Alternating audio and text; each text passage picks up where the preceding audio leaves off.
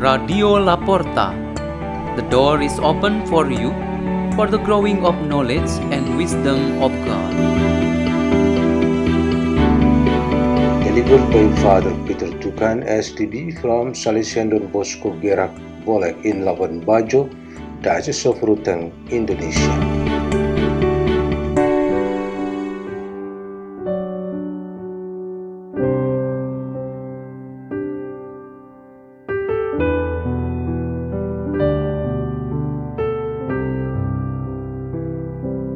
Reading and meditation on the Word of God on Wednesday of the 34th week in Ordinary Time, November 29, 2023.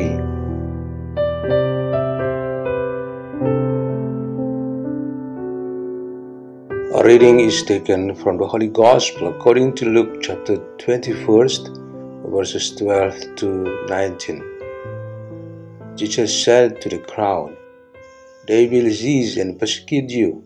They will hand you over to the synagogues and to prisons, and they will have you led before kings and governors because of my name. It will lead to your giving testimony. Remember, you are not to prepare your defense beforehand, for I myself shall give you wisdom in speaking, that all your adversaries will be powerless to resist or refute. You will even be handed over by parents, brothers, relatives, and friends, and they will put some of you to death. You will be hated by all because of my name, but not a hair on your head will be destroyed. By your perseverance, you will secure your lives. The Gospel of the Lord.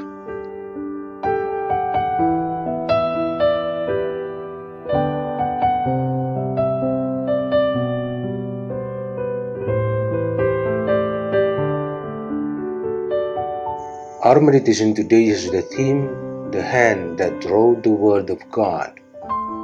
It is described in the book of Daniel today that King Belshazzar and his guests were having a party and there was a greater fear.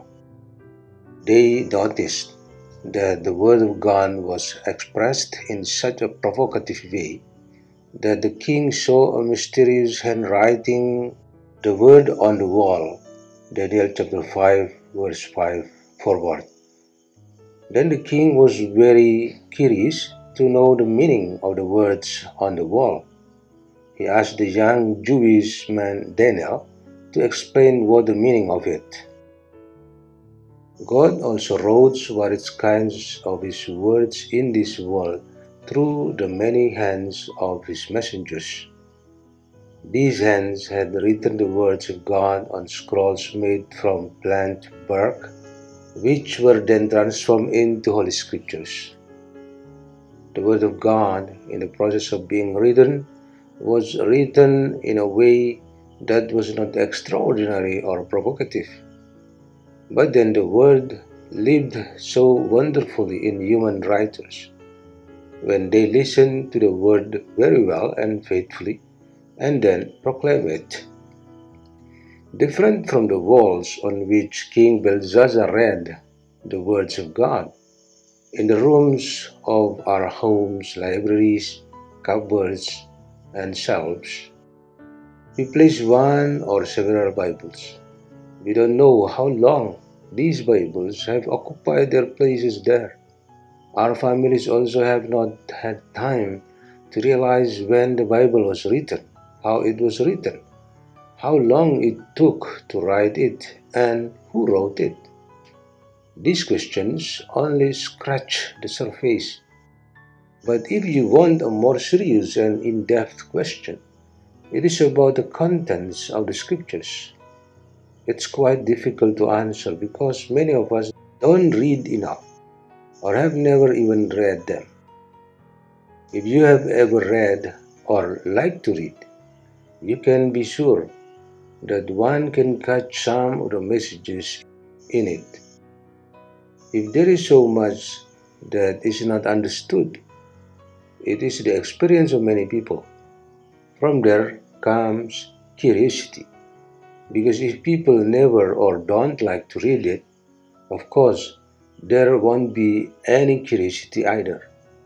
King gave an example, namely, that we really need to be curious and ask questions about God's Word. Jesus' disciples and apostles also always asked the teacher, Jesus. In these days, their questions are about the end of times and they get firm and definitive answers from Jesus. Today, Jesus' answer is even more emphatic, namely that the price of the end of times for the followers is very high, namely self sacrifice through torture, persecution, and murder as experienced by the great teacher. They want to know, ask questions, and get answers. They were not afraid or mentally discouraged because of that answer. What do we do with that answer? Let's pray. In the name of the Father, and of the Son, and of the Holy Spirit, Amen. Almighty God, encourage us to always be curious about your every word and will. Glory to the Father, and to the Son, and to the Holy Spirit, as it was in the beginning, is now, and ever shall be, world without end. Amen. In the name of the Father, and of the Son, and of the Holy Spirit. Amen. Radio La Porta. The door is open for you.